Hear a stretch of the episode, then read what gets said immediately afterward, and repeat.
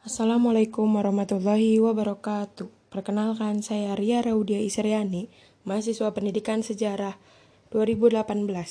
Podcast kali ini merupakan tugas dari mata kuliah literasi ICT dan media pembelajaran sejarah. Pada kesempatan ini, saya akan membawakan materi mengenai sejarah kelas 12 mengenai dampak kedatangan saudara tua dalam berbagai kehidupan. Yang pertama, yaitu bidang politik. Dalam bidang politik, Jepang melarang penggunaan bahasa Belanda dan mewajibkan berbahasa Jepang. Struktur pemerintahan dibuat sesuai keinginan Jepang. Setiap upacara bendera dilakukan penghormatan ke arah Tokyo dengan membungkukkan badan 90 derajat yang ditujukan kepada Kaisar Jepang Tenno Heika. Jepang membentuk organisasi-organisasi yang bertujuan sebagai alat propaganda seperti Gerakan 3A dan Gerakan Putra, tetapi gerakan ini gagal dan dimanfaatkan oleh kaum pergerakan untuk wadah sebagai wadah untuk pergerakan nasional.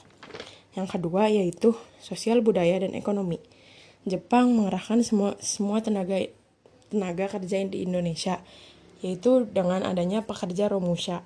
Akan tetapi pekerja romusha ini diperlakukan dengan kasar dan kejam oleh Jepang. Pada saat itu bahan makanan sulit didapatkan dikarenakan banyak petani yang menjadi pekerja romusha. Perkebunan-perkebunan dipegang sepenuhnya oleh Jepang. Rakyat dilarang menanam tebu dan membuat gula. Saluran komunikasi semuanya dikendalikan oleh Jepang. Jepang yang Jepang sering kali bertindak semena-mena kepada rakyat Indonesia. Yang ketiga yaitu dalam aspek pendidikan. Keadaan pendidikan di Indonesia saat itu semakin memburuk. Pendidikan tingkat dasar hanya satu, yaitu pendidikan 6 tahun para pelajar wajib mempelajari bahasa bahasa adat istiadat dan lagu kebangsaan Jepang. Bahasa Indonesia digunakan sebagai bahasa pengantar dan mata pelajaran wajib.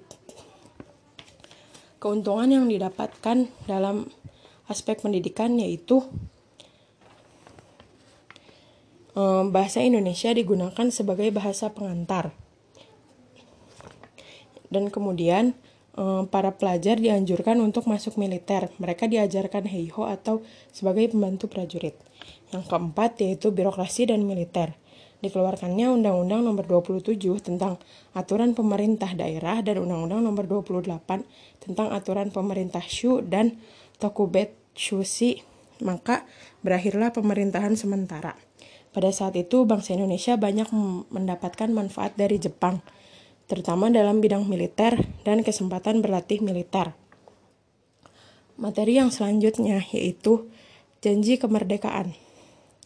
Jenderal Kiniaki Kaiso menjanjikan kemerdekaan Indonesia pada September 1945 dan mengizinkan pengibaran bendera merah putih di samping bendera Hinomaru. Letnan Jenderal Kumakichi Harada mengumumkan dibentuknya BPUPKI pada 1 Maret 1945. Badan ini dibentuk untuk menyelidiki dan mengumpulkan bahan-bahan penting untuk persiapan kemerdekaan Indonesia. Sidang BPUPKI dilakukan dalam dua tahap. Tahap pertama pada tanggal 28 Mei sampai 1 Juni 1945. Sidang ini membahas mengenai dasar negara dan sidang kedua pada tanggal 10 sampai dengan 11 Juni 1945 membahas perumusan Undang-Undang Dasar. Setelah BPUPKI berakhir, maka dibentuk e, panitia kecil yang disebut juga sebagai panitia 9 karena dibentuk e, oleh 9 orang. Kemudian pembentukan PPKI. PPKI merupakan Panitia Persiapan Kemerdekaan Indonesia dibentuk pada tanggal 7 Agustus 1945 yang terdiri dari 21 orang yang merupakan perwakilan dari berbagai daerah. Panitia inilah yang nantinya mengesahkan pendahuluan dan pembukaan Undang-Undang Dasar Indonesia Undang-Undang Dasar 1945 pada tanggal 18 Agustus 1945. Terima kasih. Begitulah materi mengenai dampak kedatangan saudara tua dalam berbagai aspek kehidupan dan pembentukan Republik Indonesia. Terima kasih yang telah mendengarkan dan mohon maaf bila ada kesalahan.